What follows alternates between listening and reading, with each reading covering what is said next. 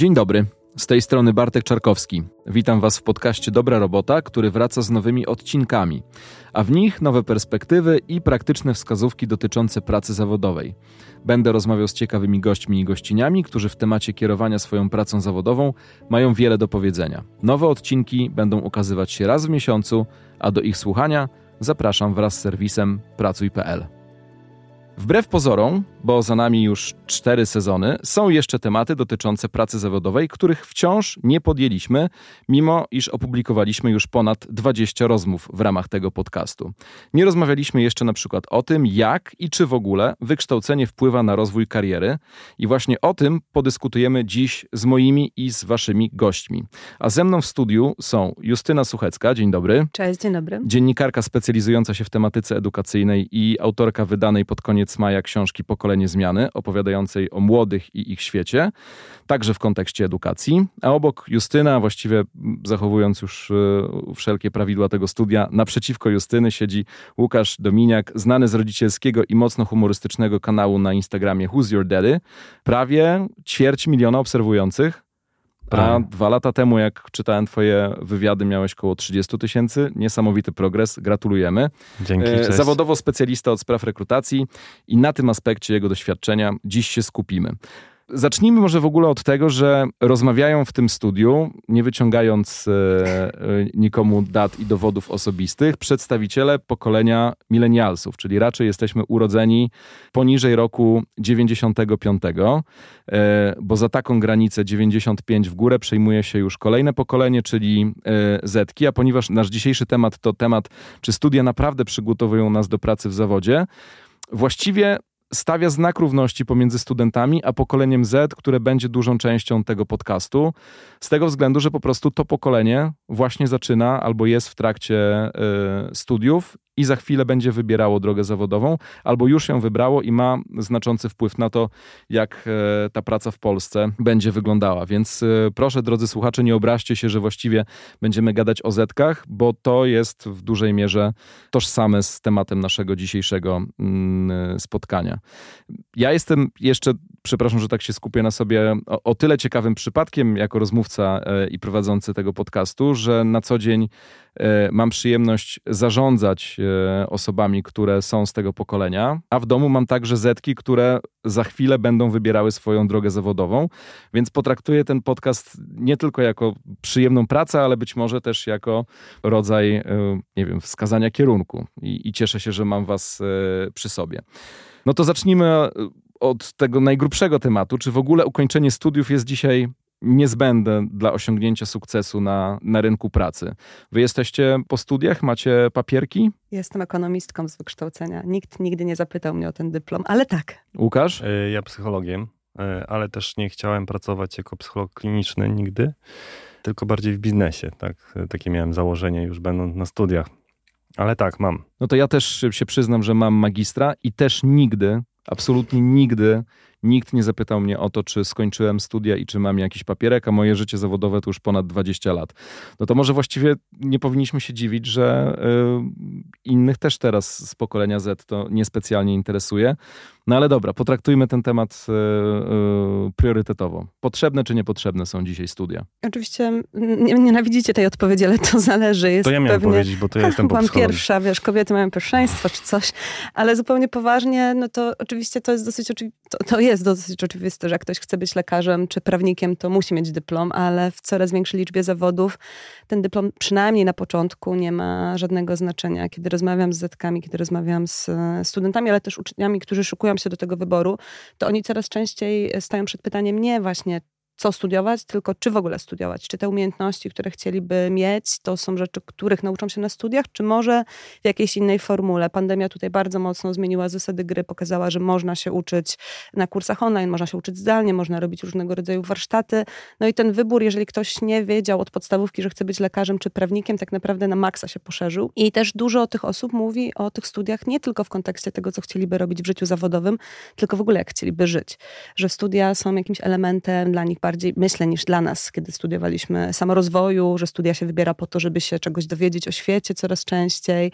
To jest oczywiście przywilej, bo mm, dotyczy tych, którzy nie muszą natychmiast y, iść do pracy i, i zarabiać, ale coraz częściej spotykam się właśnie z taką odpowiedzią, że studia tak, ale po to, żeby mnie czegoś nauczyły, a nie po to, żeby mnie przygotowały do pracy. Ja na pewno tak nie myślałam, kiedy miałam 20 lat. Łukasz? No tak, no tak, ja jestem 8,5, żeby to uściślić. 8,7 pozdrawiam. 8,3. I rzeczywiście, rzeczywiście było tak, y, moim zdaniem, że my y, gdzieś tam te studia y, kończyliśmy. Żeby zacząć pracę, pracę zawodową, bardziej się skupialiśmy na tym, co jest do zrobienia. Nie mieliśmy takiego backupu. Tak mam poczucie, że teraz to młodsze pokolenie ma, ma taki backup w kontekście też rodziców, którzy nie zaczynają już od zera, tylko coś osiągnęli w swoim życiu. I nie ma też takiego ciśnienia, że musisz koniecznie już w tym momencie, w tym roku kończyć studia. U nas to był trochę taki wyścig, przynajmniej ja to tak pamiętam, e, gdy studiowałem. E, I taki, żeby jak najszybciej zacząć też od razu, od razu pracę, żeby to jakoś miało ręce, ręce i nogi. Teraz myślę, że młodzi ludzie mają dużo więcej takiego luzu, i takiego podejścia, że ok, jak nie tu, to za dwa lata, albo często zmieniają te kierunki studiów, e, szukają czegoś. U nas było trochę tak, że no już lepiej iść w tym kierunku, bo już jak zacząłeś, to, to lepiej to skończyć. Inne po prostu są teraz opcje, możliwości, takie mam poczucie. A wracając do pytania wyjściowego. Myślę, że teraz ja jako rekruter mogę się wypowiedzieć, że to może kiedyś na którymś etapie bardziej cię przyblokować, niż na starcie otworzyć nie wiadomo ile ścieżek, jeżeli chodzi o studia, tak? Ale ja jestem mimo wszystko zwolennikiem, bo studia to nie tylko nauka, ale też poznawanie ludzi, więc tutaj jest też ważny aspekt studiowania, moim zdaniem. No to często pojawia się w, w książce Justyny, że ludzie młodzi wybierają też studia po to, żeby mm, kontaktować się z innymi i, i ze względu na to, że e, to pokolenie bardzo dąży do e, kontaktów e, międzyludzkich i że dla nich ta grupowość, społeczność, plemienność jest czymś wyjątkowo ważnym, no to trochę studia stają się odpowiedzią na takie, e, na takie zapotrzebowania. Łukasz, ale z perspektywy firm, e, dla których rekrutujesz, mhm. Mm, posiadanie pracownika młodego, tego, który wchodzi na rynek pracy z wyższym wykształceniem, jest rzeczą e, priorytetową, czy jest rzeczą, nie wiem, drugiego, trzeciego stopnia ważności? Mam mówić prawdę, tak? Tak. Tutaj trzeba prawdę mówić, dobrze. To jest tak, że widząc CV, tak, bo gdzieś tam od tego się zaczyna, widzisz ofertę, staż, y, rozpoczynanie pracy, cokolwiek. Zwracasz uwagę na to, czy ktoś ma skończone studia, natomiast nie ma czegoś takiego, że bardzo wchodzisz w to, jakie to są studia i konkretnie grzebiesz, jeżeli to nie jest gdzieś tam mm, e, kierunek, który, który jest bardzo specyficzny. Yy, I zwracają na to uwagę. Zwracają na to uwagę, bo też patrzą na swoje całe drzewo gdzieś tam y, w, w hierarchii organizacji Zawsze każda korporacja, bo ja nie mówię tutaj o startupach, czy o tym, że ktoś się decyduje na, na startup, y, może to robić bez studiów i też jest ok. Natomiast jeżeli wchodzimy w ten świat korporacyjny, no to zawsze gdzieś tam jest jakaś struktura korporacyjna, która gdzieś jest na, na górze napisane, że dobrze mieć od jakiegoś poziomu, nie wiem, licencjat, y, magistra, więc to się robi już takie mniej, mniej romantyczne w tym sensie, że trzeba coś pokazać e, w kontekście też papierka. A jakie kompetencje w takim razie liczą się dla pracodawców, którzy decydują się na zatrudnienie nowego pokolenia, tego wchodzącego na rynek pracy? Na pewno komunikacyjne. Tak mam takie poczucie, że kiedyś mieliśmy e, taką sytuację, że dużo, dużo się patrzyło na te twarde rzeczy. Na pewno teraz więcej się patrzy na to, kto jest jakim człowiekiem, czy jest w stanie się dogadać z różnymi kulturami, z różnymi ludźmi, też nie tylko patrząc na Polskę przez pryzmat Polski, ale też pracując, nie wiem, w regionie, czy jest to osoba otwarta, czy zna języki, czy chce się uczyć, czy, czy chce się uczyć. Myślę, że to, bo wiecie, ja mam takie poczucie, że koniec studiów to jest tak, jakbyście wchodzili do, do, do klubu, yy, oddawali kurtkę do szatni i mieli opaskę, tak? A, a, a zabawa się dzieje już po wejściu dalej, yy, czyli do wejściu, po wejściu na rynek, na, na, na rynek pracy. Studia są takim, mam yy, poczucie, przed, przedsionkiem tego wszystkiego. No i to jest gdzieś tam ważne, ta, ta otwartość yy, w głowie, tak? Bo jak my się e, sobie pracowaliśmy jeszcze tam, nie wiem, 15 lat temu, to mam poczucie, że też patrząc na pracodawców, na to, jak się zmienia struktura, jak się zmienia świat wokół nas, ta praca była przez jakiś czas stabilna w tym sensie, że wiedziałem, co będę robił pojutrze, za tydzień, za pół roku, tak? A teraz zmieniają się narzędzia tak szybko, że ci ludzie muszą mieć strasznie otwarte głowy i być chętni do nauki, tak? W tym sensie. E, nawet jeżeli skończyli PhD i, i tak dalej, to nadal muszą mieć otwarte umysły i tego gdzieś tam szukają pracodawcy. E, takiej chęci do, e, do, do robienia, tak? To, to, to jest istotne, do robienia i do, do nauki, bo narzędzia im, im będą dane. Natomiast po tym całym COVID-zie, po tym jak nas zgniotły pewne rzeczy, taki pojawił się jakby nastrój trochę depresyw, no to ta otwartość i ta komunikacja jest bardzo teraz e, ważna, żeby, żeby chcieć po prostu się komunikować, żeby chcieć współpracować, tak, taka kooperatywa, wymiana wiedzy. E, to jest istotne. Justyna, jak słuchasz Łukasza, to czujesz, że ta druga strona, czyli Zetki, nowe, młode pokolenie, jest w stanie odpowiedzieć na zapotrzebowanie swoich potencjalnych pracodawców? Myślę, że tak. Dużo kiwałam głową, jak mówiłeś, Łukasz, e, ale też dlatego, że cały czas myślę sobie o czymś, co mnie bardzo zaskoczyło, kiedy pisałam tę książkę i kiedy w ogóle toczyłam rozmowę o pracy, dlatego że byłam przekonana, że skoro to takie cyfrowe pokolenie, to oni będą bardzo chcieli pracować zdalnie. To znaczy, że to będzie im, ich marzenie takie, jak jest dla mnie. A tymczasem prawie wszyscy mówili, że zależy im właśnie na relacjach, na tym, żeby na żywo poznać swoich współpracowników, na zbudowaniu przyjaźni w zespole, czy jakiegoś zwykłego koleżeństwa. Że ta praca ma być ciekawa, ma być wartościowa, ale że oni chcą się uczyć od autorytetów ze swojej pracy. To jest niemożliwe wtedy, kiedy wszystko dzieje się na Teamsach, Slackach i wszystkich innych możliwych komunikatorach. Z ich perspektywy oczywiście. I myślę, że te dwa lata pracy i nauki zdalnej bardzo mocno właśnie ich doświadczyły, bo oni nie mieli innych e, możliwości poza pracą zdalną. I ta gotowość nauczenia się nowych e, rzeczy to jest coś, co jest w sumie moim zdaniem wpisane w DNA tego pokolenia. Jeszcze kilka lat temu ta teza, że będą pracowali w zawodach, które jeszcze nie istnieją, była bardzo zgrabna publicystycznie, ale wydaje mi się, że nie do końca potrafiliśmy sobie to wyobrazić. To znaczy był jakiś e, mityczny specjalista od IT, dzisiaj programował w tym, a jutro będzie programował programował w tamtym, ale kiedy popatrzymy na te ostatnie miesiące i zobaczymy, co już zadziało się z czatem GPT na przykład, jak on bardzo wymusił kreatywność tych młodych pracowników i zmianę podejścia do różnych rzeczy, to widzimy, że ta zmiana zachodzi dużo szybciej, że ona się dzieje właściwie już w nie wiem, w środku tygodnia pracy, a nie wielu miesięcy czy lat e, do przodu, szczególnie w zawodach oczywiście kreatywnych czy, czy wymagających jakichś takich umiejętności e, miękkich, marketingowych, społecznych. No i oni nie mają wyjścia. To znaczy ja od nich słyszałam, że w ich życiu jedyną pewną rzeczą jest zmiana, więc ktoś, kto jest tak nastawiony do życia, to też ktoś, kto ma większą gotowość na naukę. Raczej od młodych osób nie słyszysz takiego zdania, a nie, na to jestem już za stary, ja się już tego nie nauczę, to nie dla mnie. A od milenialsów już się zdarza, że my już swoje zrobiliśmy, tak. myśmy się już pouczyli, popracowali i nikt mi teraz nie będzie wymyślał, że ja będę tam robił to czy tamto. Ta niechęć jest większa. Na pewno nie u wszystkich, na pewno nie we wszystkich branżach, ale mm, my trochę mamy już takie poczucie, że zagospodarowaliśmy już jakieś pole, coś zdobyliśmy, no ile można się uczyć? No tak. oni mają takie, no dobra, będę się całe życie uczył. Pewnie masz taką perspektywę, że moim zdaniem oprócz tego, że to jest super, że, e, że są takimi ludźmi, którzy chcą się uczyć, to tutaj problem polega najważniejszy i to, z czym się my spotykamy jako rekrutujący firmy, y, z zarządzeniem oczekiwaniami. Hm.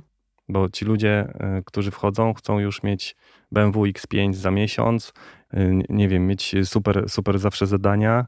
I ja jestem też zwolennikiem tego, żeby te pokolenia się mieszały, bo jakby każdy widzi swoją perspektywę, to starsze albo dużo starsze już od nas pokolenie 50-latków, 60-latków też pokazuje jakby swoją perspektywę i ta mieszanka jest bardzo ważna, żeby to widzieć, bo mam poczucie, że nie chodzi mi o to, żeby ich blokować, że nie, nie zrobicie tego, tylko żeby też tak zdrowo podchodzili do tego, że nie wiem, ktoś robił coś, nie wiem, 20 lat, nie da się zawsze zrobić w tydzień, czy dwa, czy miesiąc i tutaj jest, myślę, problem i taka, znaczy problem, no kwestia jakiejś takiej edukacji tego, że, że sukces nie zawsze przychodzi w E, bardzo szybko.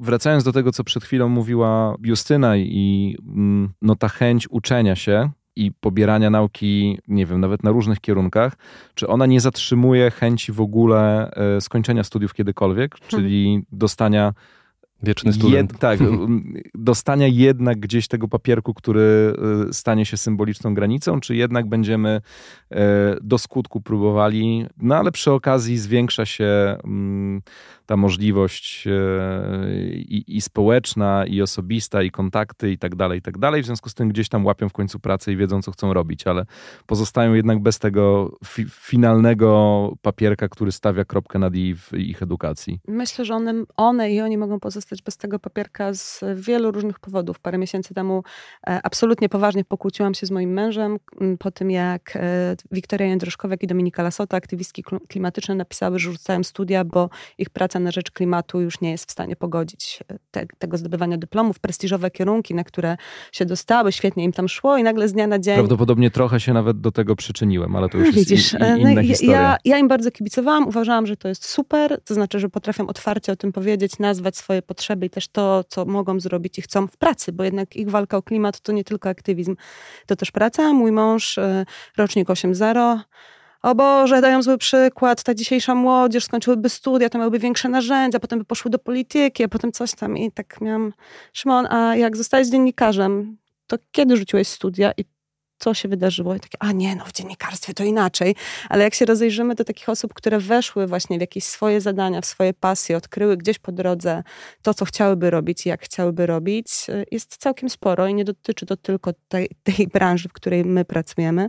E, I myślę, że te dziewczyny też to pokazywały. One będą mogły kiedyś wrócić na studia. To nie jest przecież tak. I to jest to, co moim zdaniem blokowało nasze pokolenie. Ja mhm. się bałam wziąć urlop dziekański, bo się bałam, że już nigdy nie skończę studiów. Jak rozmawiałam o możliwości przejścia na studia e, wtedy e, zaoczne, weekendowe, to moi rodzice wpadali w trwogę, że ale jak to? Może już nie skończysz, może to się nie uda. A tutaj nic nie stoi na przeszkodzie, żeby zacząć studiować po 30, żeby zdobyć ten dyplom, kiedy będzie potrzebny różne możliwe y, ścieżki przyspieszenia. No teraz na przykład psychologię ludzie robią w 3,5 roku, jeśli się zepną tak. na uczelniach niepublicznych. Więc wydaje mi się, że oni mają dużo większą świadomość, że ten dyplom może przyjść w innym czasie, jeśli w ogóle będzie im potrzebny. Fajne jest to, że mm, ich rodzice już teraz rozumieją, że. Nie cisną tak bardzo. Nie, nie, cisną tak bardzo i rozumieją, że świat się po prostu zmienił i że oni, czyli ich dzieci, mają prawo do tego, żeby decydować o tym, kiedy skończą tę drogę zawodową. E, ja na studiach zostawałem ojcem i trudno było mi napisać e, magisterkę w tym samym czasie, w którym zmieniałem e, pieluchy. Nie no ale moja, moja mama tak nade mną stała i te, dwa lata, te dwa lata tak chodziła, chodziła, chodziła, że w końcu się zdecydowałem wrócić e, po dwóch latach przerwy i napisać tę pracę e, magisterską, obronić ją i zakończyć te studia. I w sumie zrobiłem to bardziej dla swoich rodziców niż, e, niż dla siebie. To pokolenie chyba ma jednak łatwiej, sam to widzę po sobie i po tym, jak, jak zaczynam traktować edukację moich dzieci, które są już teraz w liceach i, i no, jeszcze te dwa, trzy lata przed nimi, żeby, żeby zdecydować o, o dalszej drodze ale wydaje mi się, że gdyby któreś z nich przyszło i powiedziało, że po liceum robi sobie gapier, yy, i zaczyna podróżować albo robi coś zupełnie innego, ale niezwiązanego z nauką, to chyba przyjąłbym to totalnie naturalnie i, i, i, nawet, bym, e, nawet bym wspierał. Co więcej, e, znowu się Justyna odwołam do twojej książki, czyli do Pokolenie Zmiany. Jest tam taka bohaterka, ona chyba ma na imię Julia. Julia e, Kawka. I ona mówi o tym, że ona by chciała mm, wiele rzeczy robić, że najchętniej studiowałaby ciekawostki. Tak.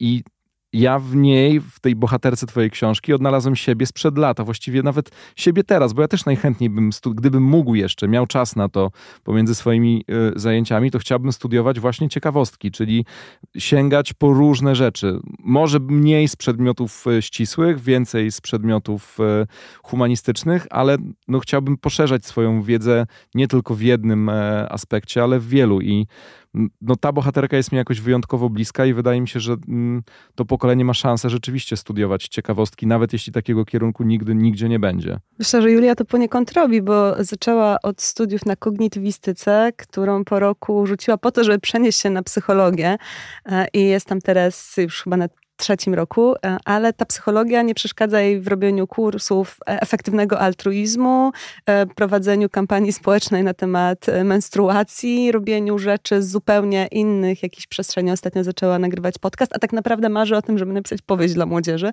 I myślę, że to wszystko jest możliwe. I wróciła do domu, gdzie ma taką możliwość, tak. bo rodzice po prostu akceptują jej wybór. Akceptują jej wybór i mimo, że, i to jest chyba dosyć istotne, że to nie jest jakaś super majętna rodzina, że to nie jest ten przywilej na takim poziomie, jaki sobie wyobrażamy, że nie wiem, rodzice jej teraz za wszystko płacą. Nie, ona cały czas zarabia, próbuje sobie tam odłożyć na różnych zleceniach pieniądze, ale że to, co Łukasz wcześniej mówił i, i co ty powiedziałeś, że ta perspektywa dzisiejszych rodziców jest trochę inna, bo oni nie są już na dorobku. To znaczy, oni mogą tym swoim dzieciom dać chwilę bezpieczeństwa, pozwolić na ten gapier. Nie chodzi tylko o mentalność, która się zmieniła i że widzimy, że świat y, nie jest już taki prosty i te drogi kariery nie są takie proste, ale też takie poczucie, że możemy sobie na to pozwolić finansowo, organizacyjnie, że ten powrót do domu to nie jest powrót, e, to nie jest porażka, to nie jest koniec tak. świata, to jest jakiś wybór, ale że my też widzimy, że to się da zrobić, no choćby z powodów finansowych. Łukasz, zapytałem już o to, jak potencjalni pracodawcy patrzą na e, obecność e, magistra albo licencjatów w CV, ale mhm. chcę zapytać Ciebie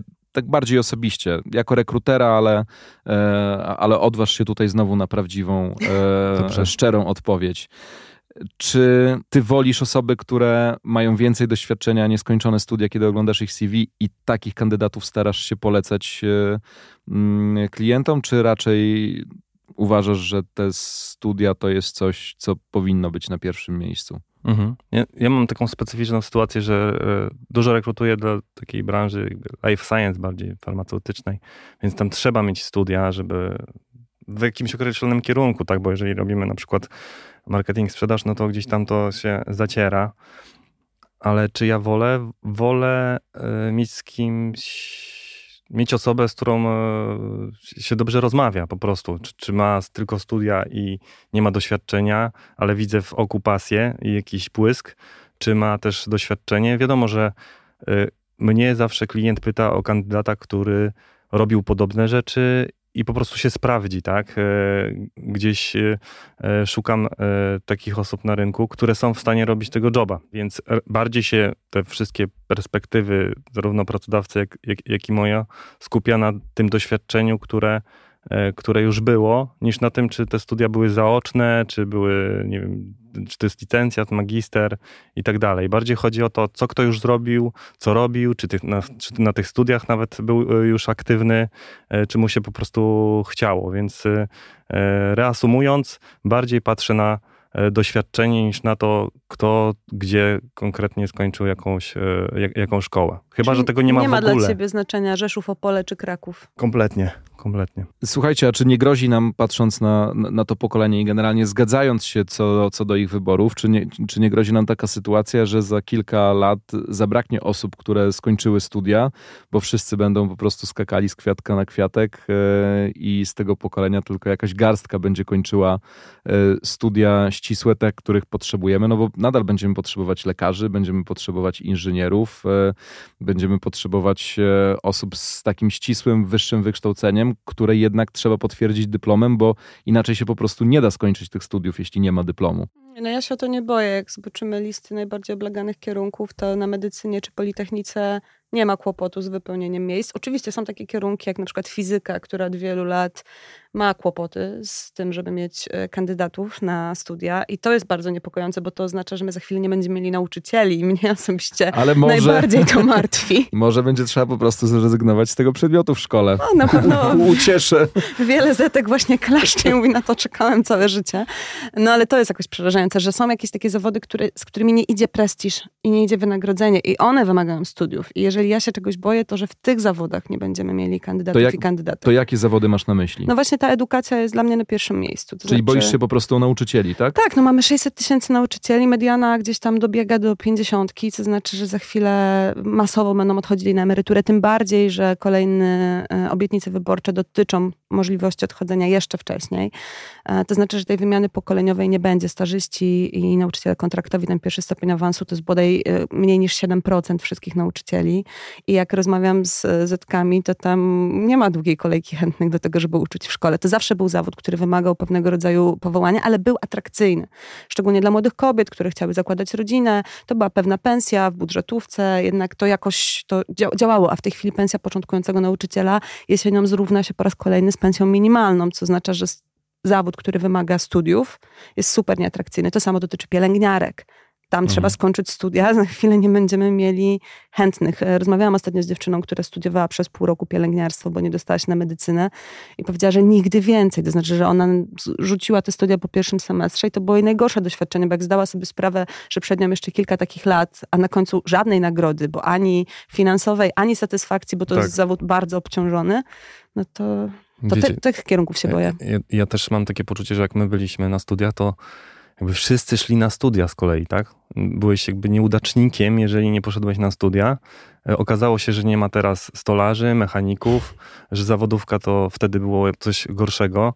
E, COVID pokazał i cała sytuacja globalna i gospodarcza, że fajnie mieć jednak ludzi na miejscu, którzy coś potrafią technicznie zrobić i są szewcami, fryzjerami, a my tego nie docenialiśmy kiedyś, tylko myśleliśmy, że patrzyliśmy tylko właśnie na, ten, na, na tą część studencką, a, a, teraz się cieszę, że trochę tak y, y, światło z, zostało rzucone też na takie zawody, y, które są bardzo potrzebne, a wszystko tak jakby sobie wtedy outsourcowaliśmy, że ktoś to zrobi, tak? No teraz, teraz nie ma kto tego robić. A spotkałaś Justyna na swojej drodze dziennikarskiej zetki, które mm, decydowały się właśnie na taki fach w ręku typu stolarz, murarz, e, elektryk, hydraulik, czyli zawody, które z perspektywy nas, korzystających mhm. z takich usług, no, są czystym zarobkiem, bo wiesz, że wkręcenie gniazdka kosztuje 150 zł, jeśli ty nie potrafisz tego zrobić. Z takimi ludźmi, którzy wybierali zawody, w których trzeba się pobrudzić, tak. miałam dosyć duży kłopot. To znaczy, znam takich nastolatków, którzy wybrali szkołę branżową, rozwijałem się w tym.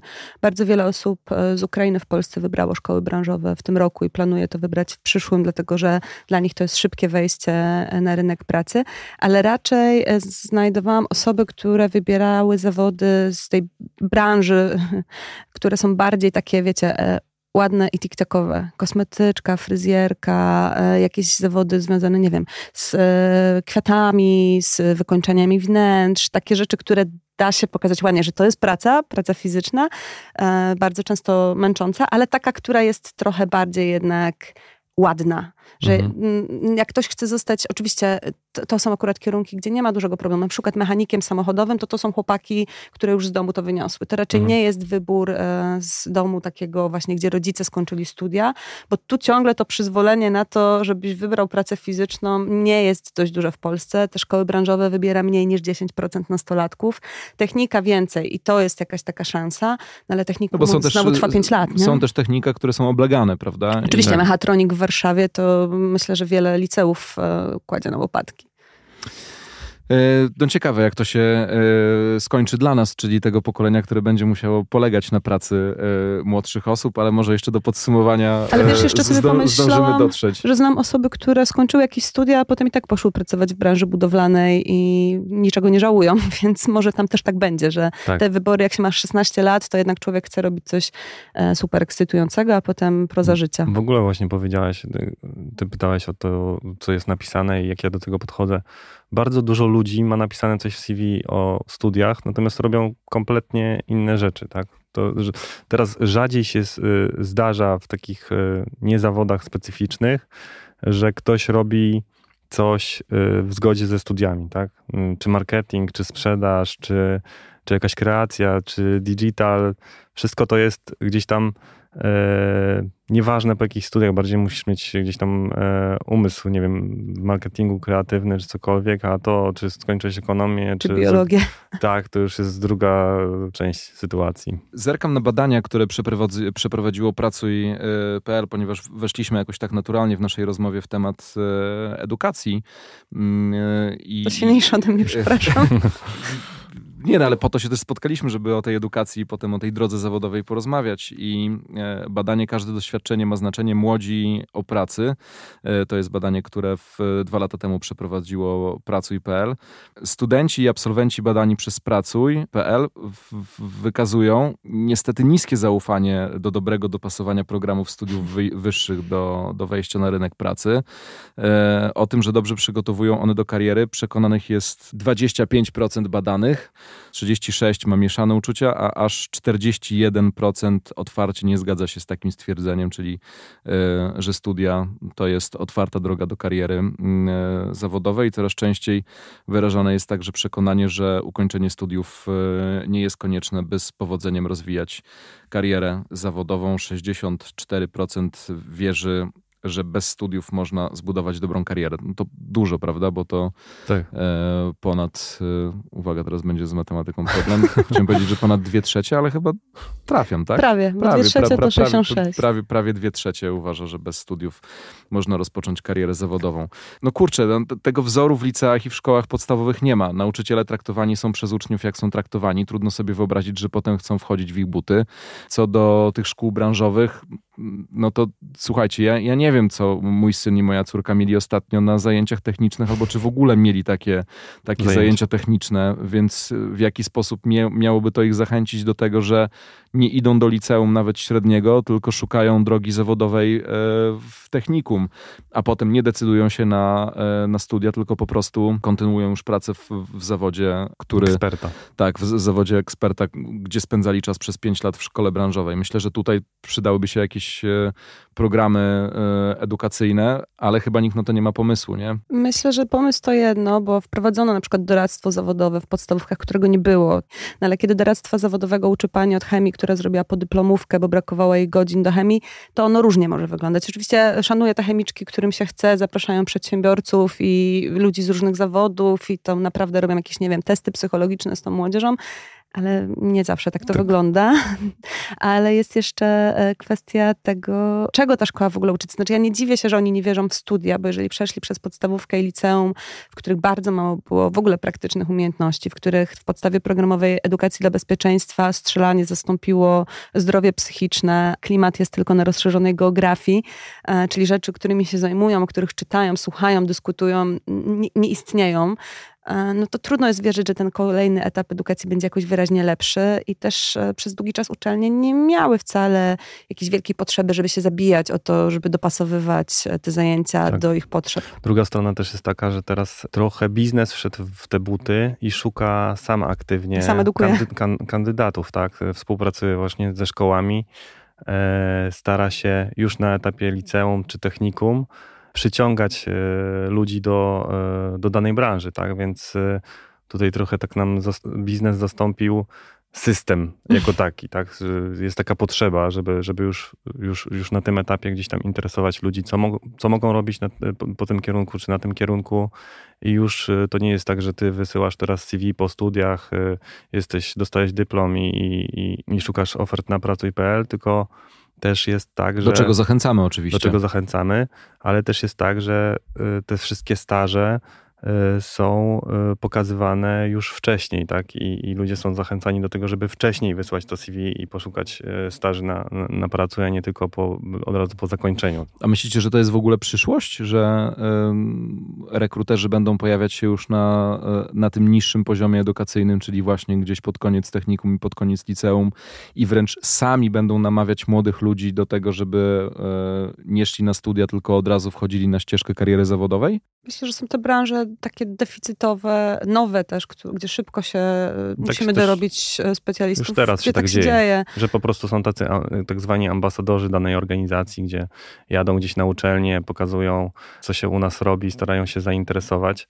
A co do rekruterów, to będzie na pewno duża, duża część pracy poprzez y, rozwiązania digitalowe. Tak wysyłasz CV, coś ci szczytuje twoje CV, cię akceptuje albo nie akceptuje w kontekście dalszych kroków, tak? I ta rozmowa z żywym człowiekiem będzie trochę później niż wcześniej. Powiedzcie mi, co poza studiami może być jakąś alternatywą, która będzie źródłem y, wiedzy i doświadczenia dla tych młodych ludzi i jednocześnie czymś atrakcyjnym wpisanym do CV? Ja widzę, że bardzo dużo osób korzysta z różnorakich programów e, z Erasmusa. To znaczy, Erasmus to nie jest tylko ten półroczny wyjazd w czasie studiów, tylko to są liczne szkolenia, warsztaty, wolontariaty zagraniczne, które można zrobić nawet nie studiując. One są coraz częściej kierowane też do nastolatków e, w wieku licealnym czy właśnie uczących się w technikach.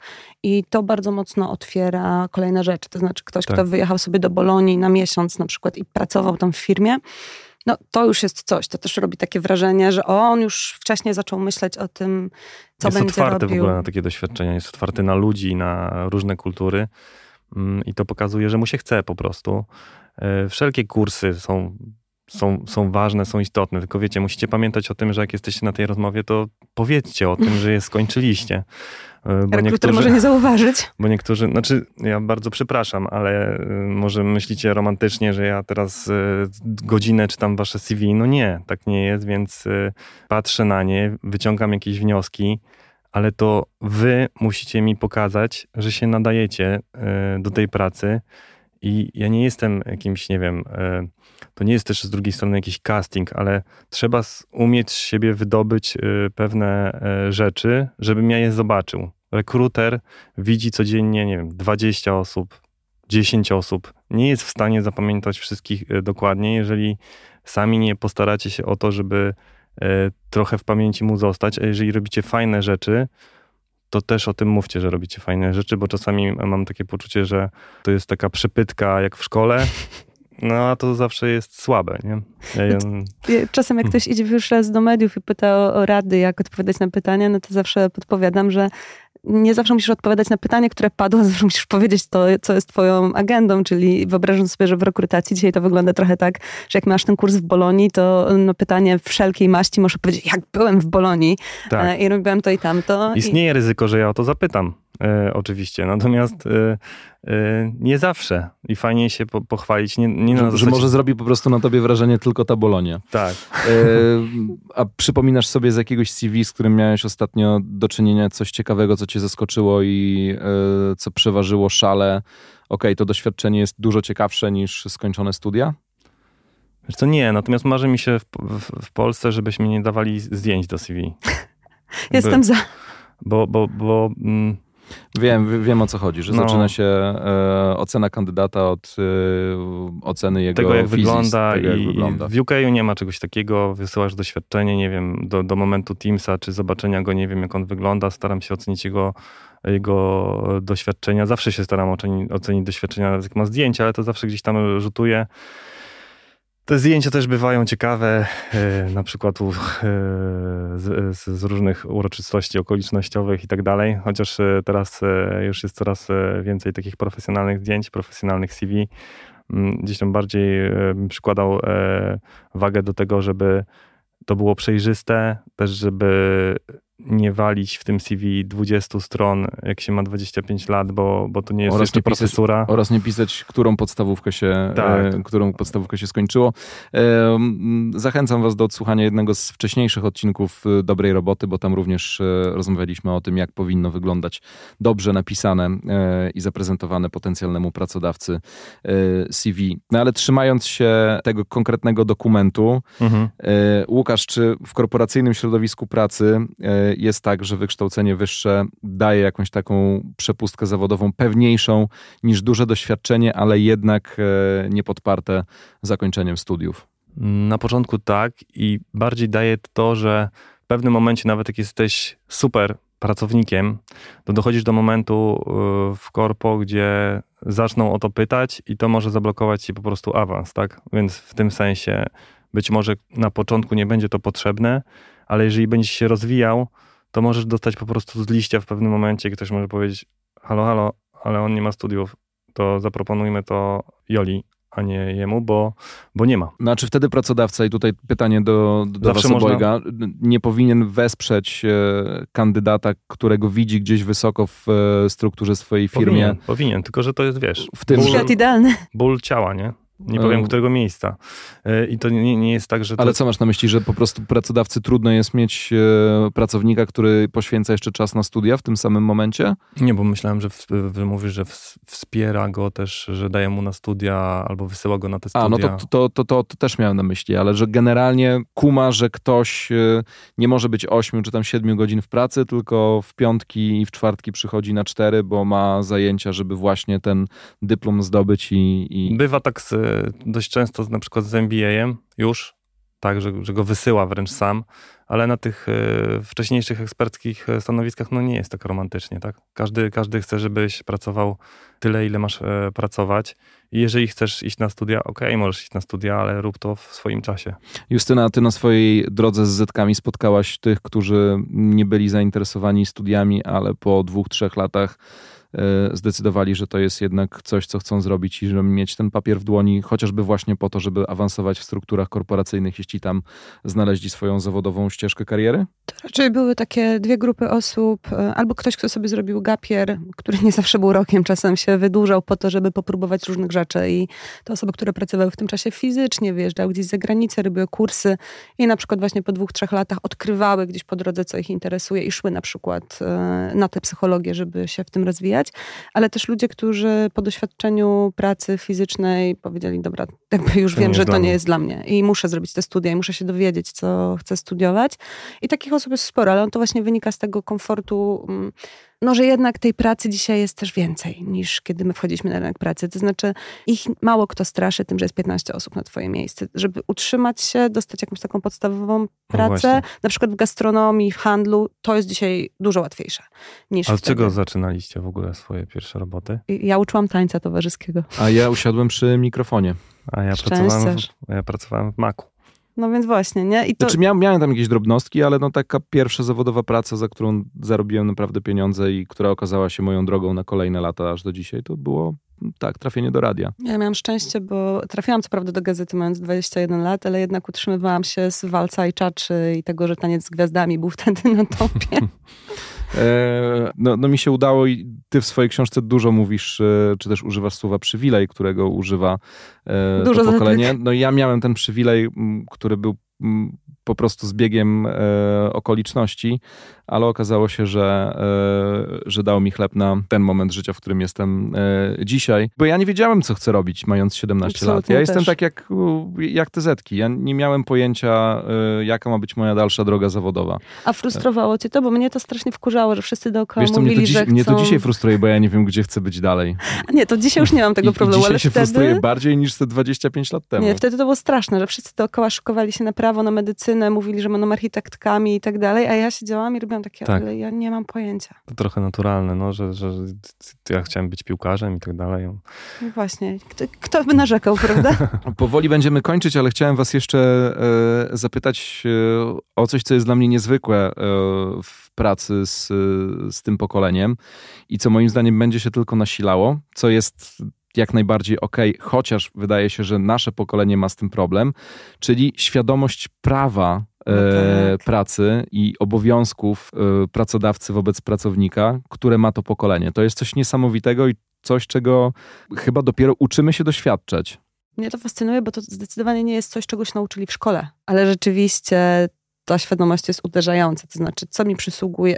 Oczywiście dużo więcej o prawach niż o obowiązkach, ale w sumie ym, trudno się dziwić, że chcą wiedzieć, co, co im przysługuje. Pracodawców to na pewno zaskakuje. Myślę, że ty masz tutaj dużo większe doświadczenia, ale w takim naszym codziennym życiu, właśnie ktoś, kto mówi 17 sorka, nie biorę nadgodzin, nie mam tego w umowie. Work-life balance. Tak, szanuję to bardzo. Nie, ja też to szanuję, aczkolwiek bywa, by, bywa to trudne. By, bywa, bywa to trudne jak najbardziej. Łukasz, e, twoje doświadczenie z, z, z tym tematem zetek? No tak, to jest e, problem, który słyszę od e, jakby Pracodawców. pracodawców. No właśnie, oni to traktują jako problem, a powinni chyba się z tym godzić, że to jest e, naturalna Przyszłość. konsekwencja e, prawa pracy i No. dokładnie przyszłość. Jeszcze się pewnie nie zmieniły we wszystkich Mental. organizacjach tak mental taki, że my przychodziliśmy i braliśmy udział w jasełkach naszego pokolenia i w wyborze.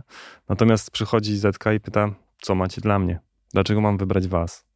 co jest w tej ofercie ciekawego, co będę robił. Wiecie, to nie jest staż y, teraz, tylko po prostu wchodzisz na staż, robisz jakiś ciekawy projekt, nie, nie, nie donosisz komuś kawy czy herbaty, tylko robisz jakby rzeczy. I tutaj jest też prześciganie się na, na, na, oferty, na to, co ci zaproponujemy, na to, co możesz robić po tym stażu, że to nie jest tak, że staż i siema nara. I w ogóle nie chodzi o e, owocowe czwartki, prawda? Tak, Tylko tak, konkretne tak. umiejętności. Nie, myślę, że teraz ludzie po prostu gdzieś tam robili kiedyś badania, że to niby na wysokich stanowiskach jest taka, taka sytuacja, gdzie ludzie lubią mieć, y, prezesi czy dyrektorzy lubią mieć wpływ, że nawet od kasy bardziej ich kręci jakby wpływ. No ale myślę, że każdy człowiek lubi mieć wpływ i w kontekście benefitów też lubi mieć wpływ na to, że ja na przykład nie chcę owocowych czwartków, ale chcę wybrać coś innego i do tego firmy już się przyzwyczaiły, ale oprócz tego, co teraz z założenia ludzi, młodzi ludzie sądzą, że jest wszędzie, wszędzie to powinno być i to jest coś zwykłego, no trzeba dodać coś ekstra pod, pod, pod kątem tego, czy na przykład hiring manager, który ze mną gada potem na rozmowie, jest fajnym, ciekawym człowiekiem, czy mnie jakoś zainteresuje, to jest, to jest teraz e, wyzwanie, nie? A to, że wpiszesz, że masz tam 7 e, punktów i owocowe czwartki, to, to już każdy tak pisze według, według Zetki. Powiedziałeś, że przychodzi Zetka i pyta, co masz dla mnie, to teraz przychodzi do was e, na zakończenie Millennials i pyta się Justyna, jaka byłaby twoja rada do pracodawców, wiedząc czego od pracy oczekują młodzi dorośli? Ja bym zaczęła od słuchania i wykreślenia ze słowników dwóch fraz. Kiedyś tego nie było, i zawsze tak było. Żadna z nich nie pomaga dogadać się z zetkami. Łukasza, co ty byś polecił młodym ludziom, którzy rozpoczynają ścieżkę zawodową, e, biorąc e, pod uwagę zapotrzebowanie, jakie jest teraz na rynku? Co bym im doradził? Żeby wybierali to, co chcą robić, żeby próbowali różnych rzeczy, e, bo mają teraz na to szansę i żeby trzymali się swoich jakby marzeń, tak, ale mieli otwarte głowy, ale też e, widzieli, że karierę można w różny sposób poprowadzić, nie zawsze musi to wyglądać w jeden określony sposób. Słuchajcie, mam nadzieję, że nie wypadliśmy w ciągu tych 40 kilku minut e, jak boomerzy, tylko tak. po, myślisz, że tak? Że, Na pewno się coś znajdzie. A ja jednak, a ja jednak wierzę w to, że, że, że trzymamy z tymi fasą. zetkami fasą, tak. Staraliśmy się, pamiętajcie. Dziękuję wam bardzo. Justyna y, Suchecka, autorka między innymi książki y, Pokolenie Zmiany, która od kilku tygodni na półkach w księgarniach, ale przede wszystkim dziennikarka związana z tematami edukacyjnymi. Dzięki. Dzięki za wizytę. I Who's Your Daddy, czyli Łukasz Dominiak, ale to jego konto internetowe, instagramowe, którego dzisiaj właściwie w ogóle nie, nie poruszaliśmy, bo zajmowaliśmy się Łukaszem i jego życiem zawodowym, a jest na co dzień rekruterem. A ta dzisiejsza, dzisiejsza rozmowa, ja również dziękuję miała e, prosty cel pokazać Wam, czy kierunek zawodowy, w jakim chcecie się rozwijać, wymaga od Was ukończenia studiów, czy może jednak odwrotnie, wcale nie musicie e, słuchać głosów mówiących, e, że wykształcenie wyższe to podstawa i jak nie będziecie mieli skończonych studiów, to nie dojdziecie tam, gdzie chcecie zmierzać. Mam nadzieję, że wraz z moimi dzisiejszymi gośćmi nie tylko Was zainteresowaliśmy tym tematem, ale także zachęciliśmy Was do zgłębiania go dalej i do dalszej dyskusji dyskusji również, e, która może odbywać się w komentarzach e, na YouTubie pod tym e, odcinkiem albo na social mediach pracuj.pl. Dajcie znać, jakie są Wasze przemyślenia. Ja dziękuję. Do usłyszenia za miesiąc. Bartek Czerkowski.